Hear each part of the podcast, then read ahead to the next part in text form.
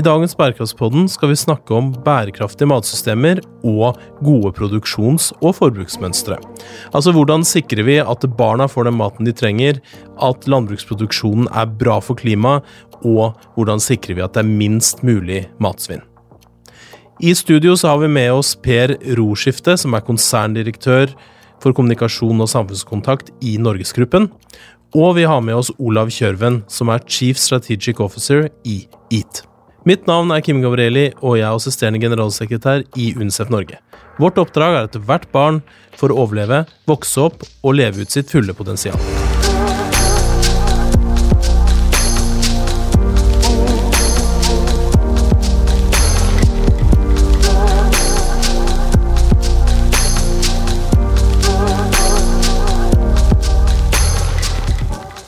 Ja, velkommen til eh, Bærekraftspodden. Her er jeg da med Per fra Norgesgruppen og Olav fra EAT. Vi skal altså, som dere hørte, snakke om bærekraftsmål 2 og 12. Eh, og det sier kanskje ikke alle som lytter eh, så mye, men det er altså snakke om bærekraftige matvarekjeder, kan vi kalle det, og forbruks- og produksjonsmønstre som, ja, som passer til vår tid. Men før vi gjør det, så skal vi selvfølgelig la gjestene våre få lov til å introdusere seg selv litt. Eh, og her har vi to, eh, ja, to, gjester med veldig mye erfaring. Eh, jeg lurer på om jeg skal begynne med deg, Olav. Du er jo egentlig en ja, hva skal si, en politiker opprinnelig, og en, en FN-ansatt. Så jeg er litt nysgjerrig på hvordan du endte opp i IT, rett og slett. Ja, eh, det hender det man kan lure på. Eh, det er eh, selvfølgelig utrolig spennende å jobbe for EAT. Det er jo en liten organisasjon i og for seg, men ganske spretten og spenstig og med stort armslag. Og jeg valgte å, å satse på den hesten etter å ha jobbet i lang tid i ganske store og tunge internasjonale organisasjoner, og for så vidt også da i i uh, Utenriksdepartementet som statssekretær. Ja, politikk, som, som du sa. Og uh, det var jo uh, fantastiske år. tilbrakt fire år ca. som statssekretær. Før det også en periode som politisk rådgiver da, i Bondevik I-regjeringen, og så da statssekretær i Bondevik II, altså på utviklingssiden i Utenriksdepartementet. Og så, etter det, ni år i FNs utviklingsprogram, UNDP, eh, hvorav seks år som eh, policy-direktør der. Og så tre år i Unicef i New York, eh, med ansvar for partnerskap. Um, så det er vel det jeg har holdt på med da, de, de siste årene, før jeg kom til EAT eh, for ca. halvannet år siden. Eller litt mer enn det. Og uh, må bare si at eh, det er deilig å være hjemme igjen. Uh, og, og, kunne fortsette å jobbe med globale utfordringer og på en global arena, men uh, likevel bo i, i, vakre Norge og i en så fin by som Oslo. Ja, for, for IT er jo det er sikkert mange som har hørt om IT, om Gunhild Stordalen, men, men, det er jo mye mer enn enn Gunhild, kanskje? Det er jo en internasjonal organisasjon med hovedsete i Norge, er det sånn? Eller? Ja, eh, det er jo en, eh, en stiftelse rent eh, juridisk. EAT Foundation. Men det er jo ikke det så, i tradisjonell forstand. altså at En stiftelse er gjerne er en organisasjon som deler ut penger.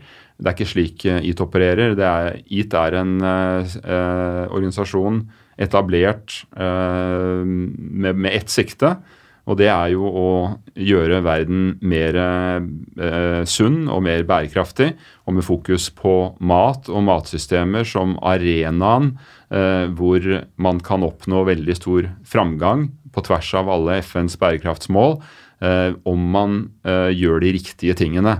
Altså Hvis man tar grep som kan bidra til å, at mat blir sunnere, og også mer bærekraftig, og det er veldig ofte de samme grepene, så kan man få stor framgang på tvers av uh, faktisk de fleste av FNs bærekraftsmål, men ikke minst av de to vi snakker om uh, her i dag, som er uh, kamp mot, mot, mot, sult og altså mer bærekraftig land, matproduksjon. og da også mer bærekraftige produksjons- og forbruksmønstre, som er bærekraftsmål nummer tolv. Og det skal vi komme tilbake til hvert øyeblikk. Må introdusere deg også, Per. Eh, Norgesgruppen og og deg. Det har jeg forstått at det er en uh, historie som går liksom hånd i hånd.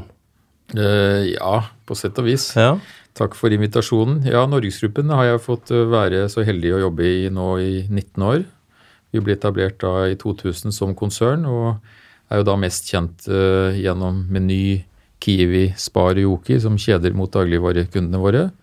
Og så har vi Asko som distribuerer varene for oss. Så vi har blitt et stort selskap, den aller største innenfor matområdet i Norge. Og jeg jobber da med kommunikasjon og samfunnskontakt.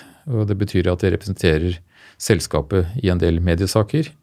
Og også forsøker å bidra til å, å gi selskapet et, et godt omdømme.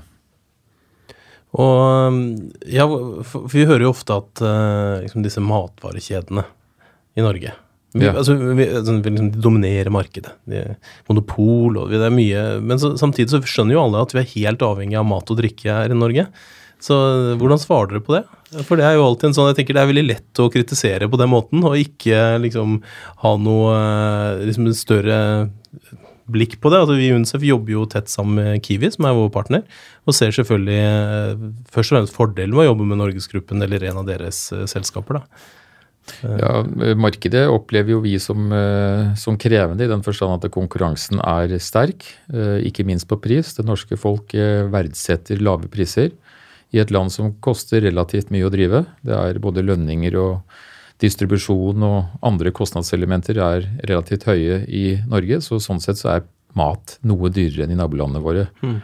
Men vi opplever at effektivitet og bærekraft er viktige områder. og stimulere i vår drift, og som vi også kommuniserer til omverdenen, ikke minst også til politikere som, som har, eh, forståelig nok, eh, et kritisk søkelys på vår sektor, fordi vi er politisk berørt med sterke rammebetingelser, importvern osv. på maten. Så vi har jo en litt annen konkurranseform på mat i Norge enn vi har i mange andre sektorer.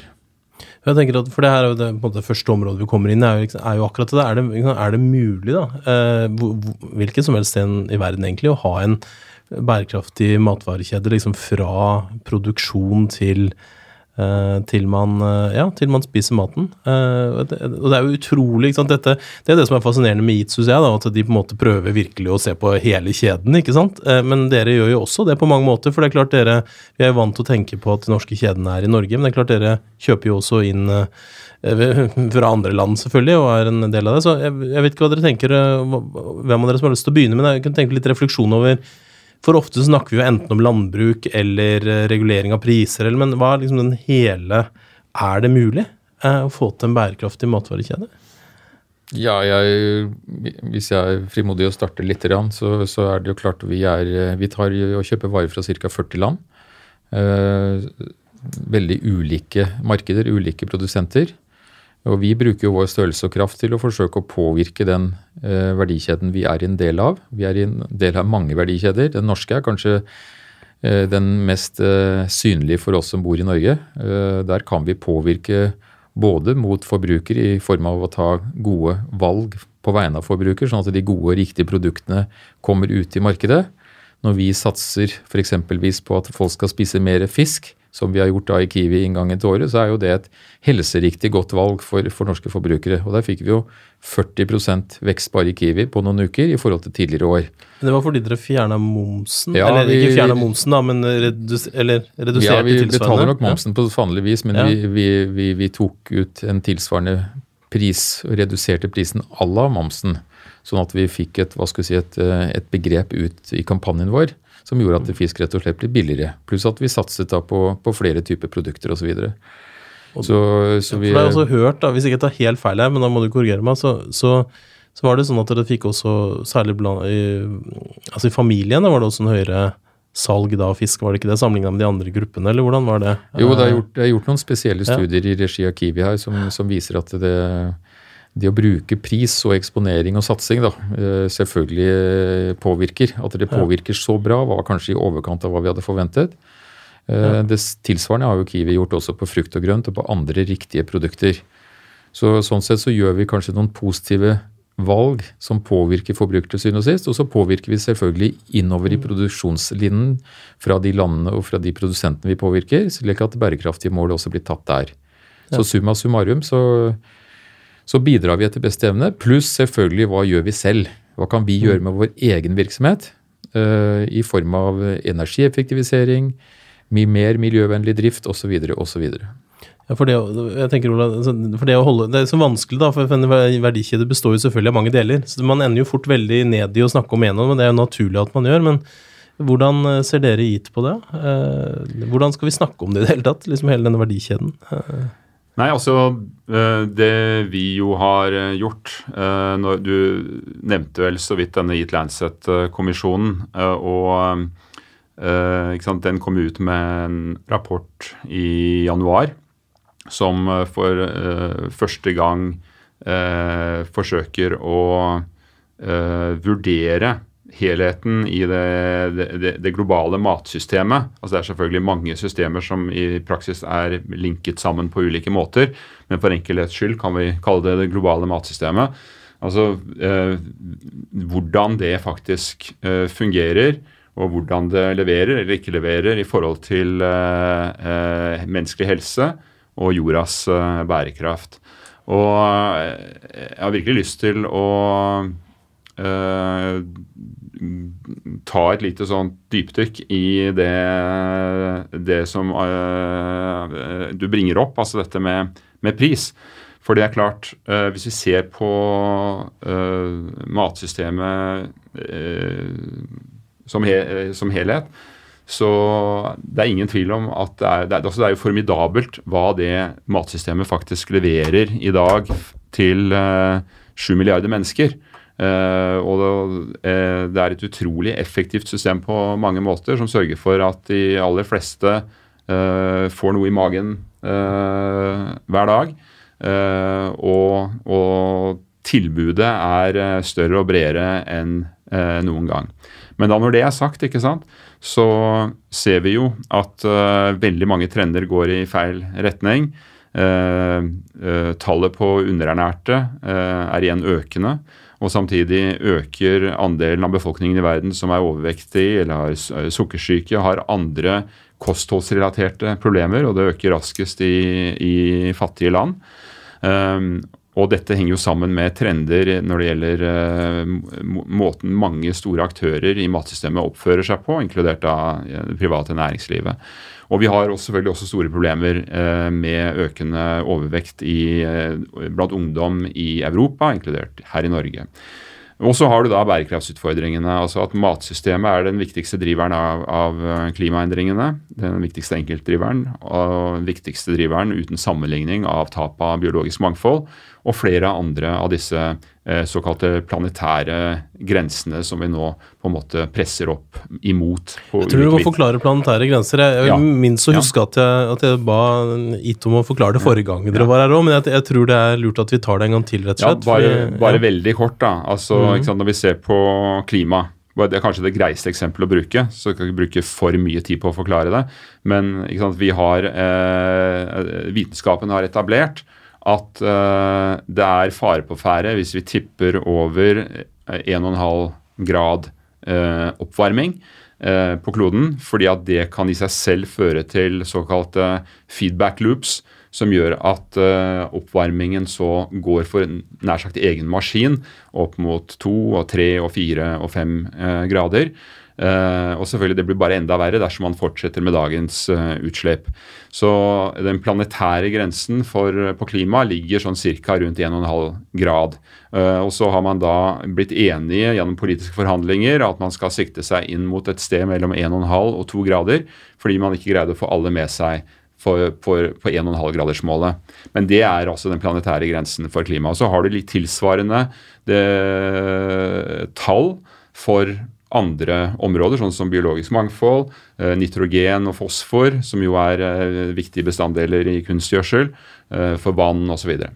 Men poenget mitt her er at det vi jo ser gang på gang, er at der man tør å gjøre noe med pris, og det er jo fantastisk det dere gjorde, må jeg virkelig si, når det gjaldt fisk Jeg har også sett reklameplakatene og, og egentlig eh, imponert over det, den satsingen dere gjorde der, og veldig morsomt å høre at, at det ga resultater. På en måte ikke så veldig overraskende, for Studiene viser jo gang etter gang at det man gjør på pris, faktisk har enormt mye å si. Enten det er en sukkerskatt i Mexico, eller det er det dere har gjort. Og det peker jo da på hvor stor effekt man faktisk kan få ut av å gjøre prisene riktig.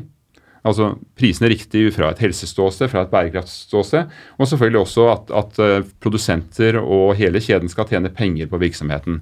Så gjelder det da å finne liksom balansepunktet uh, på tvers av mange hensyn. Men det vi i hvert fall vet, er at hvis man gjør det riktige på pris, så er det eh, et av de tiltakene, om du vil, som kan ha størst positiv innvirkning på uh, hva som faktisk kommer ut i andre enden når det gjelder uh, menneskelig helse, når det gjelder planetens helse og når det gjelder samfunnet som helhet. Men liksom, Det er lett å forstå at kanskje man kunne tenke seg å stede ned prisene, for det har jo litt sånn uh, så, salgsfølelsen, kanskje. Man har lyst til å kjøpe mer for det er billigere. Men så viser jo også studiene en kombinasjon, altså i hvert fall noen av de studiene som jeg har lest, og det er jo alltid farlig å si studier og liksom, forskning viser at, men eh, de som jeg har lest i det siste, da, som jeg ikke husker navnet på akkurat nå, de viser jo ofte Flere av dem viser det samme. De viser at hvis du kombinerer det ved å sette ned pris eh, på sunne varer og sette opp pris på usunne varer, så får du enda bedre effekt. Men det er kanskje litt utfordrende å få til fra et eh, salgsperspektiv. Eh, ja, i vår bærekraftsambisjon så er det også å drive lønnsomt. Altså det å klare å betale ja. regningene sine. Så i det konkurransebildet vi lever i, så ja. Vi hadde senest en prissammenligning i Nettavisen her i helgen. Ikke sant? For, for, for de sentrale kjedene i Norge så er jo det å komme riktig ut på pris veldig viktig for å beholde kundetillit og beholde kundene, rett og slett. Så der har vi eh, gode resultater med Kiwi i spissen, så bærekraft og prisposisjon går an å kombinere, bare for å kvittere ut den. Ja, det klarer Kiwi, og i tillegg til de veivalgene de har gjort, da, både på frukt og grønt og på fisk osv., så, videre, så får de respons hos publikum. Så i dette veikrysset som heter pris og bærekraft, så er det sannsynligvis en suksessformel eh, i forhold til tillit også til publikum. Og det er, eh, det er litt nytt. Men hvordan er det For det er, vel, er det først og fremst Kiwi som har prøvd ut dette i Norgesgruppen, eller hvordan er det med de andre merkene? Andre eh, våre øvrige kjeder er veldig opptatt av også ambisjoner og mål både på helse og bærekraft for øvrig, så mm. Kiwi er ikke alene om det. Men eh, Kiwi er den største grupperingen vår og har kanskje mest muskler også til å kommunisere. Ja. Så, så, eh, og når Kiwi gjør ting, så gjør de det ofte som første aktør. Så, så de får ekstra mye oppmerksomhet av den grunn. Så vi kan håpe på uh, billigere fisk og frukt og grønt hos de andre også etter hvert, kanskje? Ja, jeg skjønner det, at ikke du kan ta en avgjørelse på det på Nei, nei men eh, det, det, det, er konkurranse. Og det er klart ja. vi, eh, når Kiwi gjør ting, så gjør de det ikke for, for kortsiktig gevinst, de gjør det for en langsiktig perspektiv. Så at de påvirker da hele konkurransesituasjonen da på fisk ved å gå først, det gjør de helt sikkert. Men du var inne på det i stad, at det er jo ganske store eh, altså, reguleringen av det norske markedet, da, også for dere. Det er jo mer regler her enn det er andre steder, kanskje, og også importutfordringer, selvfølgelig. Mm. Eh, hvordan påvirker det dere? Eh, ja, vi er jo ikke politikere. Eh, rammebetingelsene for norsk matproduksjon de er jo lagt i Stortinget, og der er det jo for øyeblikket veldig stabilt syn på at norsk matproduksjon skal ha stabile og forutsigbare rammebetingelser, både på melk og, og kjøtt og på vegetabiler. Og, vi har en næring ganske med et godt omdømme. Eh, så er det selvfølgelig forpliktelser i forhold til internasjonal handel som kan bli krevende på sikt, men i det korte løpet så ser det i hvert fall eh, rimelig optimistisk ut, sånn som jeg ser det. Selv om vi f.eks. i fjor sommer, da i 2018, hadde store klimamessige utfordringer på, som kom kort og uventet, men en veldig tørr sommer, og som bidro til at vi absolutt fikk klima på dagsorden også i norsk matproduksjon. Med eh, ja, Næringen ble på en måte satt i et eh, ekstremt spesielt søkelys. Varene kom ikke sånn som forventet, de kom på andre tidspunkter osv., og, så videre, og vi måtte foreta tilpasninger. Løken så ikke norsk ut. Vi måtte endre standarden vår på løk, sånn at publikum fikk ikke den vakre løken vi var vant til.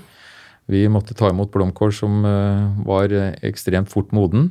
Langt mer enn det vi normalt får på samme tidspunkt. Og vi måtte gjøre kampanjer og tiltak for å få gjennom dette her.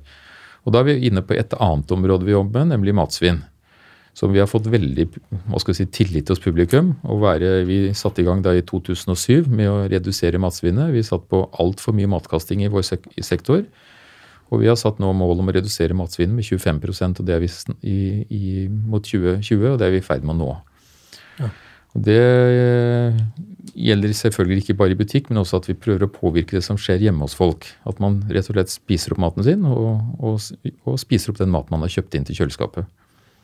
Så dette går også på holdninger hos den enkelte person.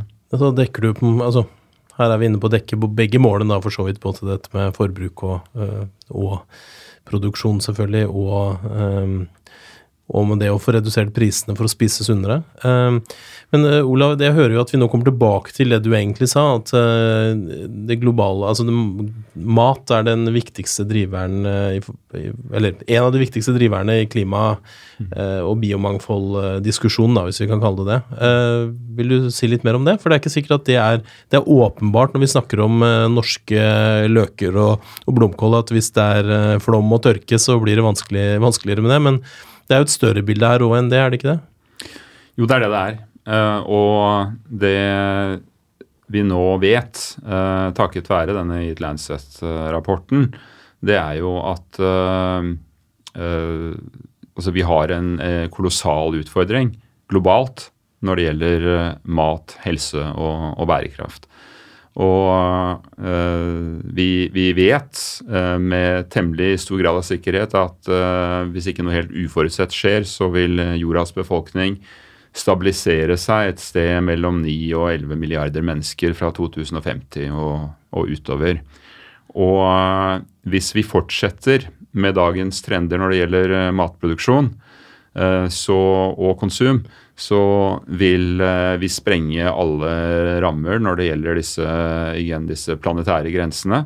Eh, og da er vi inne i eh, veldig farlig territorium som menneskeheten aldri har vært inne i, før når det gjelder hva slags klima vi vil få. tapet av biologisk mangfold, som selvfølgelig er en utrolig viktig grunnleggende faktor for matproduksjon, vil bli katastrofalt. Og, øh, og, om vi fortsetter med det løpet vi ser i dag, altså når det gjelder bruk av, av kunstgjødsel f.eks., men også andre, andre midler, altså plantevernmidler osv., så, videre, så vil vi få enda flere problemer på, på, flere andre områder, inkludert hva som skjer med havene. så det vi jo ser, er at uh, vi må ha en radikal omlegging av måten vi produserer mat på i verden uh, over de neste tre-fire tiårene. Uh, og det betyr bl.a.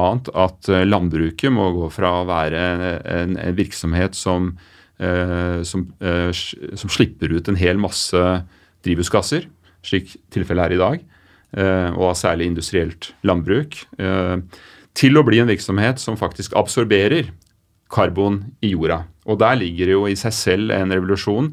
Eh, men vi kommer ikke utenom det, for det er ikke mulig å stabilisere klimaet uten at vi får det til. Og det andre Men det, før du vi slipper det ja, helt, for, ja. for, for det, det jo, høres jo bra ut. Men uh, det høres ikke helt enkelt ut å gjøre det. Så, enkelt. For det er jo, ja, Peker uh, Lancet-rapporten også på noen løsninger, eller eh, er det på dette? Ja, absolutt. Ja. Al altså det, vi, vi, trenger ingen i prinsippet ny teknologi, altså ny kunnskap som vi ikke har i dag, for å gjøre de endringene som må til. Det er krevende endringer. Men det som kreves da, for å få det til, det er politisk vilje og samarbeid. At vi faktisk bestemmer oss for å samarbeide på tvers av privat og offentlig for å ta tak i disse utfordringene. Men vi ser jo i Norge i dag så er det jo mange bønder rundt omkring i Norge som jobber eh, faktisk dag ut og dag inn med å, eh, med å vri egen produksjon nettopp i retning av å bli karbonabsorberende istedenfor utslipp. Hvordan gjør man det? Hva, hva, går det ut på karbonabsorberende? Det har å gjøre med dyrkningsmetoder, okay. selvfølgelig. Eh, og det har å gjøre med samspill mellom, mellom skog og, og mark, for å, bruke, for å si det på den måten. Eh, og selvfølgelig ting man kan gjøre i husdyrholdet for å redusere utslipp av uh, forskjellige av de, al altså av metan, lystgass og, og, og, og karbon. For, for, for, dette skapte jo også litt interesse, vil jeg vel si, i Norge, da, i hvert fall, når det ja. gjaldt uh, kjøtt. Det var vel det som liksom ja. sitter igjen som det etterlatte inntrykk, og det er ikke sikkert det er bare det Lancet-rapporten handler om, men det etterlatte Nei. inntrykket var jo diskusjonen på en måte mellom EAT og, og ja. altså kjøttprodusentene i Norge. For dette er jo den andre siden av mynten. altså På den ene siden så må det skje store endringer i måten vi produserer på. Men det litt ubehagelige for, for, mange det er jo at det faktisk også må skje endringer i når det gjelder hva vi spiser og hvor mye vi spiser av det. Uh, og dette er ikke snakk om at alle skal bli Det er ikke slik at uh, vitenskapen krever at alle skal bli veganere. Uh, det er absolutt plass til animalsk protein. både fra dyr på, på, på, jorda og dyr i havet. Mm. Uh, og det er viktig. Uh, og ikke minst i mange deler av verden er det, er det, er det, er det helt uh, avgjørende at folk har tilgang til de nødvendige næringsstoffene og proteinene som man i mange, mange steder best kan skaffe seg fra Eh, enten det er uh, kveg, eller det er fisk, eller det er andre kilder. Ja, tallene viser jo da, som du var litt inne på i stad, ja. at vi har jo blitt satt ti år tilbake når det gjelder underernæring hos ja. mennesker. Så, så, vi er liksom, går i feil retning når det gjelder Det, det, er, klart, i mange av de tilfellene når det er snakk om så underernærte barn og, og. Voksne, så er det jo ikke snakk om i det hele tatt å være i nærheten av animalsk Nei. føde. Så de men, jo men, men, det vi er nødt til å forstå her, er at, at, nå er jo klimaendringene, som sammen med krig og konflikt, er den viktigste driveren av økende underernæring og sult. så det, ja. vi nå blir vi på en måte bitt i halen. ikke sant? Eller, eller nå, nå, tas vi igjen av oss selv så mm. lenge vi ikke greier å endre på uh, strukturene i det moderne landbruket som slipper ut så mye klimagasser. Uh, både pga. produksjonsmønstre, men også pga. kosthold. At vi spiser, sånn som i Norge og i mange land i Vesten, og i økende grad i andre steder i verden, altfor mye kjøtt. Og, mm. og, vi vet at eh, det konsumet er uløselig knyttet til klimautfordringen og uløselig knyttet til tap av biologisk mangfold. Så kan man selvfølgelig si at produksjonsmønstrene i Norge skiller seg fra andre land, og det er helt riktig. Men man kommer likevel ikke utenom å ta eh, hard look, som man sier på godt norsk, på altså, eh, både produksjonssiden og konsumsiden i et land som Norge. Ikke minst om man faktisk ser seg som en del av resten av verden og må være med på løsninger som faktisk skal fungere for kloden som helhet. Ja, og jeg regner med dere ser det som en del av resten av verden, som vi alle sammen gjør. Men hva, det er jo store problemstillinger der. Hva, hva tenker du, Per? Nei, jeg er jo enig i at dette, denne utfordringen som planeten står overfor, den er eh, gigantisk stor. Eh, så det, det, gjelder i hvert fall å melde seg på og se hva man kan bidra med. Og det har vært vår filosofi fra dag én her, at vi, vi, konsentrerer oss veldig mye om hva vi kan gjøre selv.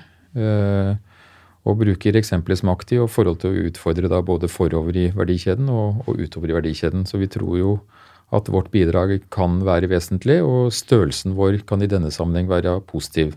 Eh, betydning. Når vi gjør ting, så, så, får det konsekvenser. Når vi reduserer nå sukkerforbruket i Norge, så er det fordi vi har gjort noen sukkergrep. Vi gjør det på f.eks. brus, og gir incitamenter på sukkerfri brus. Nå er vi på helseområdet. Eh, når vi nå bestilte den første lastebilen i Norge med elektrisk motor, så, så er det en er det en milepæl. Vi er i ferd med å lage en sjødrone for å få transportert varer over Oslofjorden istedenfor å kjøre det gjennom osv. Så, videre. så eksempler på eksempler. Vi har til og med vært med og finansiert og startet opp vårt første vindkraftprosjekt, og vi er blitt størst i Norge på solceller i å drifte våre lagre. Uh, og vi har endeløse med planer fremover. Så vi ser på oss som en del av en stor, stor global dugnad for vi tror, eh, vi tror, verden på mange måter er i spill. Dette er den alvorligste utfordringen eh, vår generasjon har hatt, og den rykker veldig fort på oss. Så er jeg enig med Olav at dette er jo ikke noe one man show. Dette er også en utrolig viktig sak for, for politikere, at man tør å ta grep som er store og alvorlige og viktige nok. Og så har vi heldigvis litt drahjelp fra publikum. Eh, vi ser jo at dette må ta bærekraftige mål også i matområdet. Der ser vi at unge mennesker uh, ligger litt foran. Ja, Så dere ser det på tallene? ja, det, er, uh... det tyder på at uh, når det gjelder frukt og grønnsaker, helsetrenden som sådan, den går jo ikke bare på å holde seg riktig vekt, men å spise riktig mengde og leve lenger. Mm. den går langt på vei også i bærekraftig retning. Og unge mennesker går i mange tilfeller noe foran. Vi, og så er vi vanedyr, vi forbrukere. da, Vi har jo veldig lett for å havne tilbake i, i de faste, faste si, ritualene våre. Så jeg, jeg tror nok fortsatt at det norske publikum lenge kommer til å spise kjøtt. Så der er men, men, men kjøttet har motvind mer enn eh, de hadde for noen år siden. Og da snakker vi om eh, motvind hos publikum, eh, rett og slett. For jeg hørte bare innført et nytt eh, begrep i den svenske ordboka, eller hva det heter. Altså flyskam. eh, Ja. Hvor det da liksom nå har blitt litt sånn skam å, å fly. Mm. Vi er vel ikke helt på vei dit når det gjelder kjøtt, eller kanskje vi er det? Er, det Nei, det, vi har i hvert fall ikke Nei. innført noe begrep Nei, det eh, kjøttskam. vi, det, men, men det er jo mengden kjøtt, og, ikke sant? og vi støtter jo opp om myndighetenes kostholdsråd. Og der er jo myndighetene veldig tydelige på, på rådene sine. At man skal spise mindre kjøtt og mer vegetabiler, mer fisk. Eh, så eh, det er det heller ikke noe stor hva skal vi si, kontrovers rundt de målene, så det bruker vi tid og, og krefter på å støtte opp om. Men det er jo interessant det du sier, da, for nå hører dere begge to sier at her må vi dra sammen, og ikke sant, eh, partnerskap osv., bærekraftsmålene. Ja, En av tingene som vi jo ofte spør næringslivspartnere om, er at altså, vi har jo veldig stor forståelse for det, du, det som, du, eller som dere begge to trekker opp, dette med økonomisk bærekraft. ikke sant, Det må lønne seg. Hvis ikke så vil ingen gjøre dette. Eh, ehm, og, og da er det noen ganger vi liksom spør ok, men er det noen reguleringer dere kunne tenkt dere, men som dere ikke liksom, dere vil ikke innføre dem sjøl, fordi at eh, da er det jo bare dere som rammes av dem. ikke sant? Altså Hvis det er en regulering fra myndighetene som treffer alle i bransjen, så vil alle tilpasse seg i Norge. Sånn, I hvert fall de store vil jo gjøre det. Sånn, er, er, det- er det noen sånne ting dere løfter? Altså Én ting er jo selvfølgelig moms, da. ikke sant? Eh, eh, moms som Kiwi har løfta. Eh, som- har du noen spesifikke påvirkningsbudskap mot myndighetene? Eh, Vi, eh, vi har ikke noen sånn spesielle på produktsiden i forhold til Vi følger de myndighetsvedtakene som kommer, selvfølgelig. Skulle bare mangle. Men dette er jo vanskelige dilemmaer. eh, Så jeg, jeg har ikke en sånn ny kjøttavgift eh, å levere til deg, hvis det er det du er ute etter. Sukkeravgift kjøttavgift? Ja. Men, eh, men sukkeravgiften hadde jo på en måte en helsepolitisk eh, begrunnelse som virket litt tynn. Fordi man, man hadde da en, en sukkeravgift som ble pålagt alt sukker, også sukkerfritt. Så dette slo jo veldig skjevt ut. Så vi, hvis man eh, skal bruke avgifter og, og virkemidler, så må det være forståelig. Eh, også med helseøyne. Ja. Eh, så der skal det vel korrigeres noe, så får vi se at utfallet blir bedre enn det det er foreløpig. Ja, for nå er jo folkehelsemeldingen til regjeringen som har levert til Stortinget, den eh, skal jo debatteres i disse dager. Så det er klart at det her, dette henger jo tett sammen, selvfølgelig, som dere begge to har vært inne på. Jeg vet ikke, Ole, om, om eh, for det er liksom litt vanskelig noen ganger å se hva er det man skal gjøre av enkelttiltak, enkeltreguleringer. Jeg skjønner at det er vanskelig for politikerne, for det er noen ting vet vi ganske mye om, andre ting vet vi mindre om. Mm. Hva har den, Nå vet jeg ikke hvor eh, tett IT går inn i den norske sammenhengen, da.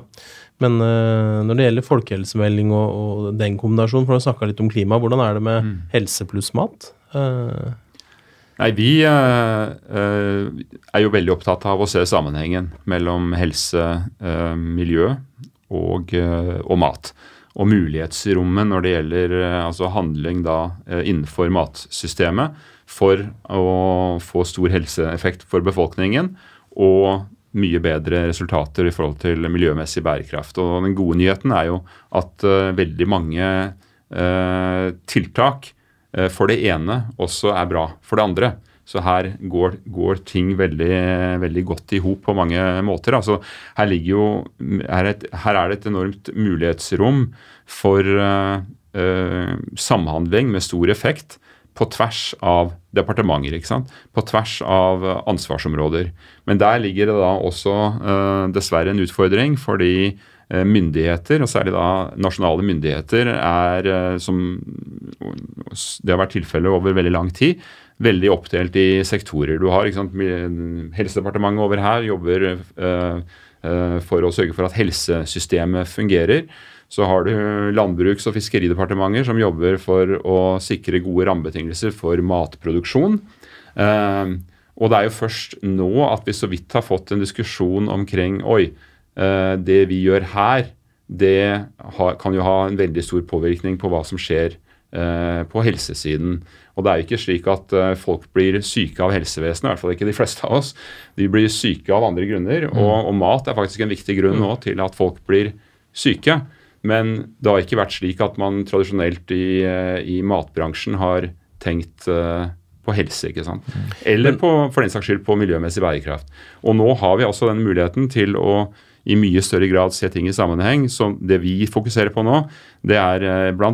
Det er mange ting, men bl.a. et samarbeid på tvers av de nordiske landene for å på en måte ta denne, eh, disse innsiktene fra Eat Lancet-rapporten og eh, se på den nordiske regionen. Hva kan vi faktisk gjøre innenfor den rammen for å få ting til å gå i riktig retning. Og Her tror vi faktisk det kan ligge noen spennende muligheter. fordi Hvis du ser på matsystemet i på tvers av de nordiske landene, så er de på mange måter forskjellige. Og okay. eh, vi vet alle at i Danmark så er de veldig store på, på, på gris. og de er store på, på annen matproduksjon òg, selvfølgelig. Eh, i, eh, i, eh, i, Norge så, så, har vi vår struktur. Svenskene har, har sin. Eh, og her kan det ligge spennende muligheter for å få til et samspill som gjør at resultatene blir best mulig for de som skal produsere maten, best mulig for uh, menneskelig helse og best mulig for miljøet. Men uh, hva er det som må til for det, da? For må vi, skal vi ha ett felles matmarked på noe vis, eller hva, hva Det har vi kanskje ikke i de nordiske landene i dag. Nei, altså uh, Uh, det kan man ikke, ikke si. Ikke i hvert fall mellom Norge Nei. og de andre landene. ja. Nei, men uh, man kan uh, jeg, jeg, det, det, jeg tror er viktig nå, i lys av at det faktisk brenner for planeten Greta Thunberg har jo helt rett i, i det hun påpeker, at tiden er i ferd med å, å, renne ut. Og det er hennes generasjon og de som kommer etter, som kommer til å betale den største prisen. Utrolig viktig at vi ikke stikker det under teppet. Og når vi vet det, så må det og så bør det være vilje til å se med nye øyne på uh, utfordringene og prøve å se etter uh, lete etter sammenhenger og, måte, og, og, og, mulige løsninger på problemet som ligger litt utenfor det vi tradisjonelt har tenkt. Mm. Og da tror jeg den nordiske regionen Det er veldig mye bra i den nordiske regionen når det gjelder mat mm. og bærekraft og for den saks skyld helse.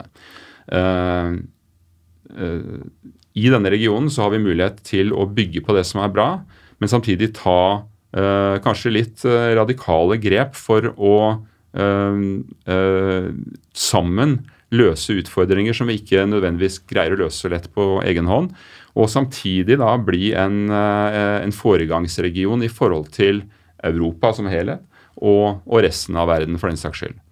Ja, hvordan jobber dere, med, jobber dere med nordiske kollegaer på et vis, Per?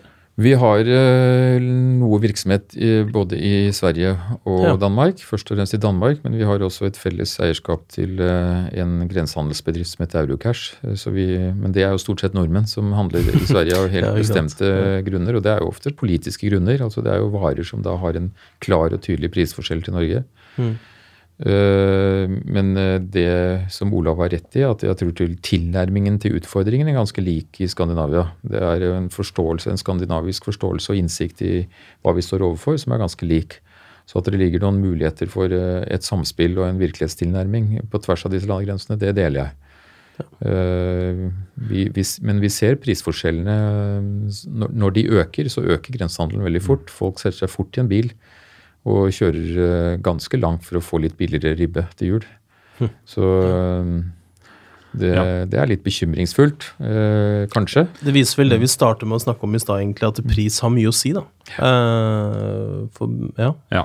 ja. ikke sant? Det er, det er, mye man kan gjøre på andre områder, og det må gjøres. For så er det jo veldig spennende at det nå jobbes med da oppgraderte nordiske kostholdsråd. Ja, fra, Er det fra Nordisk råd? Da, ja, det er, er, det er knyttet ja. til Nordisk råd, men det er ja. noe da alle de nordiske landenes eh, om du vil, matmyndigheter, altså på, på landbruk, fiskeri, helse, ernæringssiden, eh, jobber sammen om på tvers av de fem nordiske landene. Og det er klart at Å få, å få på plass eh, oppdaterte, vitenskapsbaserte kostholdsråd, eh, som da er eh, ganske konsistente på tvers av de nordiske landene, det har stor verdi.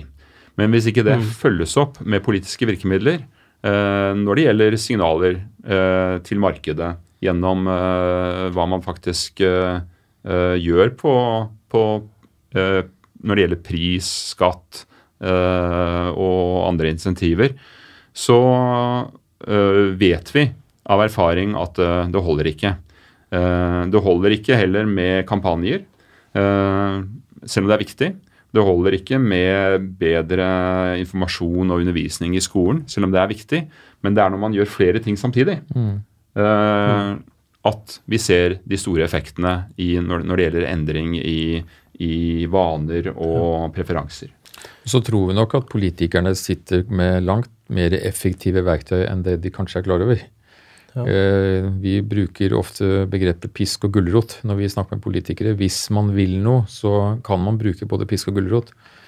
Eh, men dette er jo også å på en måte innfri velgernes forventninger. Eh, ja. Så, men vi, vi, tror nok noen ganger at politikere kan være enda mer ambisiøse i forhold til valg av verktøy.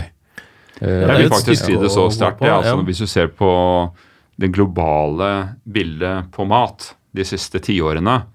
Så hvis man på en måte ser det i et fugleperspektiv, så er det rett og slett eh, epoken hvor eh, myndigheter eh, sluttet å være myndigheter i forhold til et utrolig viktig område, og på bestemte seg for at markedet styrer best alt som skjer på mat.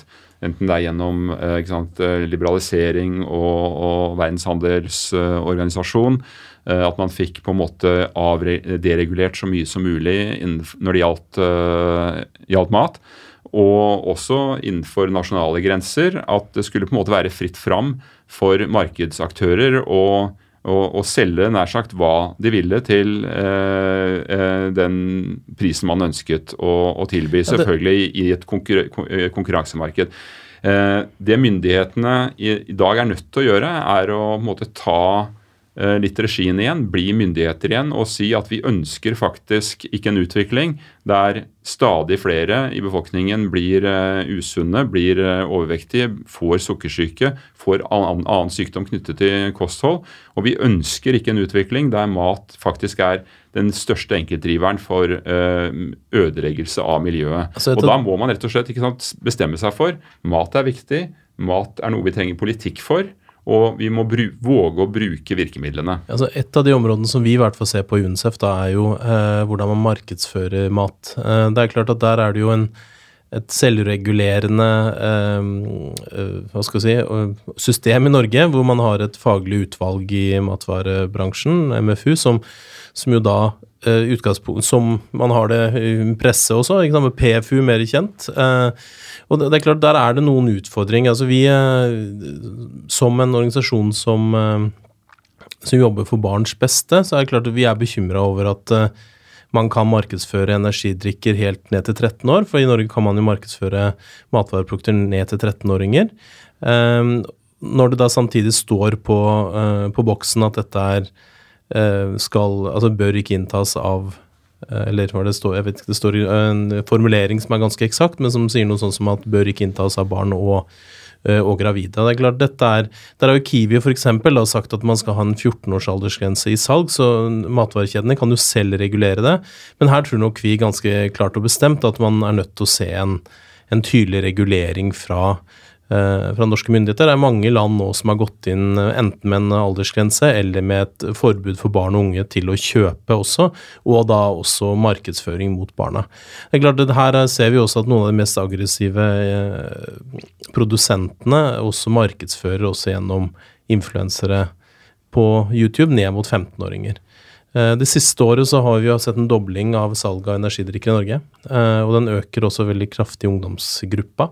Eh, så, det er et sånt eksempel, et veldig konkret eksempel, hvor vi rett og slett ja, som vi synes er, Det er et utfordrende område, fordi at her klarer ikke bransjen å regulere det selv, virker det som. Og det er ofte så blir det argumentert med helse, men det er selvfølgelig vanskelig å prøve ut, teste ut produkter systematisk på barn for en, et studie. Men vi vet jo at Konsentrasjonsevnen er det selvrapportert ganske klart fra barn og unge i mange europeiske land at det er en utfordring. Dette er bare liksom ett eksempel, men det finnes jo mange eh, Oslo kommune har vel sagt at de på sine egne flater vil se på muligheten for å regulere, altså byråden, eh, å regulere da eh, promotering av skadelig, helsefarlig mat, da. Hva det akkurat måtte bli definert som. Men, eh, Ja.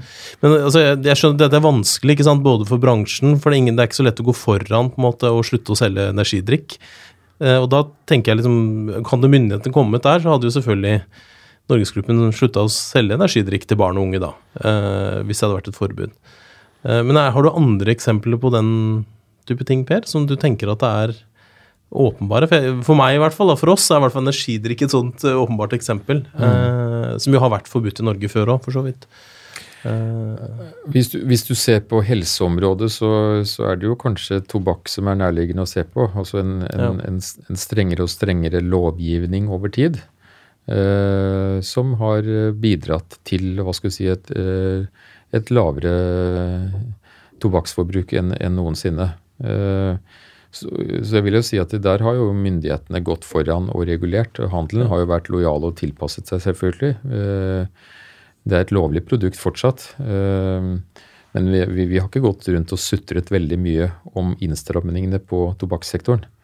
Det vil jeg si, at handelen har stått ganske oppreist i den prosessen i disse årene, selv om det er betydelig redusert salg.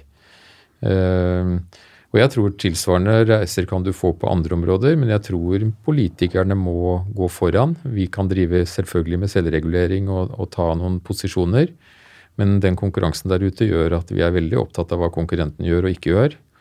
Eh, Så tror jeg at på energidrikker, som du spesielt er inne på, så tror jeg dette er et område som kommer til å bli skjerpet fremover i en eller annen form. Og spesielt da energidrikker med høyt koffeininnhold. Eh, Så, så dere er optimist i forhold til at vi, vi får en, en bedre tilnærming enn det vi har hatt i seinere år. Jeg har lyst til å hoppe inn her, eh, for eh, jeg er også veldig håpefull at eh, vi får en eh, større vilje da, politisk, ikke bare i Norge, men også selvfølgelig i andre deler av verden, til å, at, at myndigheter igjen blir seg sitt eh, ansvar bevisst. Eh, og ikke sant, Unicef, eh, dette husker jeg godt fra ikke så altfor lenge siden, eh, da jeg selv jobbet der, eh, er jo fundert på eh, eh, Barnekonvensjonen. eh, som jo formulerer en rekke rettigheter på en rekke områder for, for barn. Og det er jo et fantastisk instrument for å så da utfordre, enten det er næringsliv eller det er, eller det er myndigheter, til å, eh, til å følge det som faktisk står i, i Barnekonvensjonen. Eh, og det gjør jo dere, eh, Kim, eh, dag ut og, og dag inn eh, over hele verden. Og det er utrolig viktig. Men eh, det som eh, jeg har savnet, eh, også fra før jeg ble med i EAT, det er en mer bevisst tenkning rundt eh, det vi snakker om her. Mat, helse og bærekraft og, og barn. I forhold til altså, hva slags Hva kunne man egentlig gjøre eh, med rettighetsspråk på dette området? For det språket mangler. Nå har vi bra vitenskapelig språk med Eat Lancet, og det er mye, som, mye bra som blir sagt om hvordan man kan endre policy, eh, men veldig sjelden egentlig at man, man hører det direkte begrunnet i Det er faktisk slik at barn har eh, rett til ikke å bli eh, utsatt for eh, eh, produkter som faktisk ødelegger helsen deres. Eh, den type argumenter hører vi ikke så ofte. Eh, og her tror jeg faktisk det er noe man kunne gjøre, og kanskje også i samarbeid med barn og unge selv, for å påvirke eh, både opinion og påvirke politikere og påvirke næringslivet. Ja, og det er jo noe som vi er, Dette er vi helt enig i. Så vi har også i den eh, pågående høringen da, eh, også spilt inn et med, prøver å formulere mer språk rundt dette. For det er gjort veldig lite på det. Det er gjort ganske mye i den retningen når det gjelder tobakk. som for eksempel, Så har man jo argumentert internasjonalt mye mer juridisk og mye mer retten til eh, å ikke bli syk. Ja. og, det er klart at eh, altså retten til overlevelse, rett og slett. Eh, og retten til en eh, godt, god oppvekst. Altså, som eh, du da refererer til, så har jo vi UNICEF som har ansvar for, selvfølgelig, hvert eneste barn. Overlevelse, vokse opp og ja, leve ut sitt fulle potensial er jo en av våre kjerneoppgaver. Og vi vaksinerer fortsatt sammen med våre partnere halvparten av verdens barn. Så det er klart at det hjelper jo på en måte ikke å vaksinere barna hvis de dør av en annen sykdom ikke så lang, lang tid etterpå. Så dette her er liksom kjernen i vårt arbeid. Jeg tror i Norge så er det også sånn at vi, er, vi har kommet så langt da i vår utvikling at, at vi, det er egentlig litt rart at ikke vi ikke har kommet lenger på matområdet. Og det er noe vi også nå i mye større grad tar tak i hos UNICEF Norge. Men jeg, jeg tenker at her har vi virkelig mange muligheter til å gå sammen, da, også fordi at det er så mange aktører som er interessert. Men det er klart det er en utfordring, som uh, Olav og som uh, Per også har påpekt, at og det å samkjøre det Det er nesten som man lurer på om man hadde trengt en matminister i Norge. Eh, et departement. Eh, men mm. det er alltid utfordrende. Hvordan får vi samstemthet da, i det, det som gjøres? Eh, så jeg ser fram til å høre mer om hvordan dere tenker på det. Vi, nå har vi tid til en kort sluttreplikk fra dere begge to, før vi skal gå inn for landing. Så jeg vet ikke, Per, vil du, vil du begynne på det? Ja, vi, eh, nå snakker jeg på vegne av oss i Norgesgruppen. og der i hvert fall er det ingen tvil om at bærekraftsambisjonene våre de eh, er eh, ambisiøse og de er langsiktige. Og vi har, I så måte så skal i hvert fall vi bidra etter beste evne. Og for de som er interessert i å følge oss, så, så lager vi jo da en års- og bærekraftsrapport i en og samme rapport. Den hadde vi offentliggjort nå for noen, for noen uker siden. Og vi følger opp da i, i kommende år. Og, Eh, disse områdene eh, gir mening for oss som jobber der, det gir mening for kundene våre, og det gir mening for politikere som er eh, ute og heier på oss noen ganger iblant. Så i så måte så er jeg optimist. Men alvoret i situasjonen i forhold til å redde kloden og klimanøytralitet, ambisjoner osv., der er det grunn til å ta virkelig situasjonen veldig alvorlig. Ola? Ja, altså jeg er også optimistisk på tross av eh, alle de eh, ja, faretruende signalene vi ser og alle rapportene som kommer på løpende bånd om uh, alt som går i feil retning. Det er heldigvis en god del ting som går i riktig retning òg. Så tror jeg noe av det viktigste uh, vi må prøve å få til her, er på en måte å endre uh, the chip liksom oppi hodet på oss, som på en måte forteller oss at Eh, altså for, å, for at vi skal leve sunt og bærekraftig, så skal vi på en eller annen måte ha det kjedeligere. Og, og mat som smaker uh, dårlig, og liksom at vi ikke lenger kan spise alle de tingene vi liker.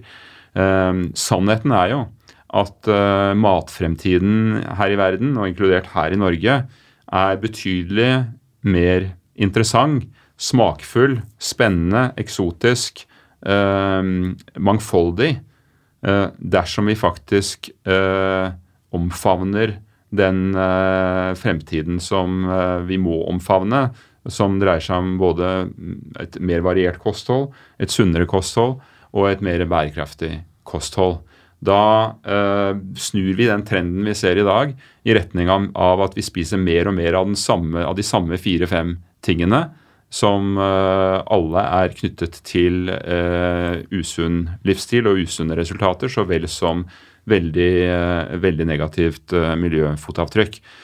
så løsningen for, for verden, altså et, en, en, matfremtid som er sunn og bærekraftig, er faktisk også en matfremtid som er mye mer interessant, mye mer morsom, mye mer smakfull og med bedre muligheter for å tjene gode penger på flere produkter for næringslivet i, i, i, i matverdenen.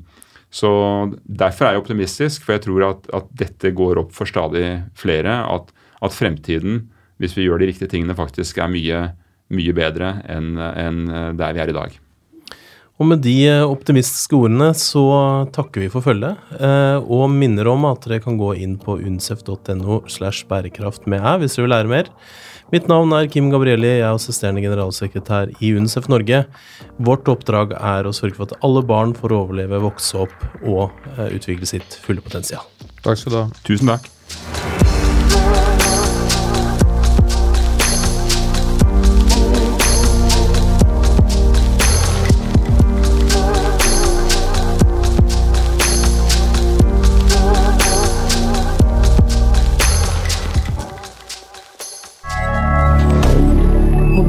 rien.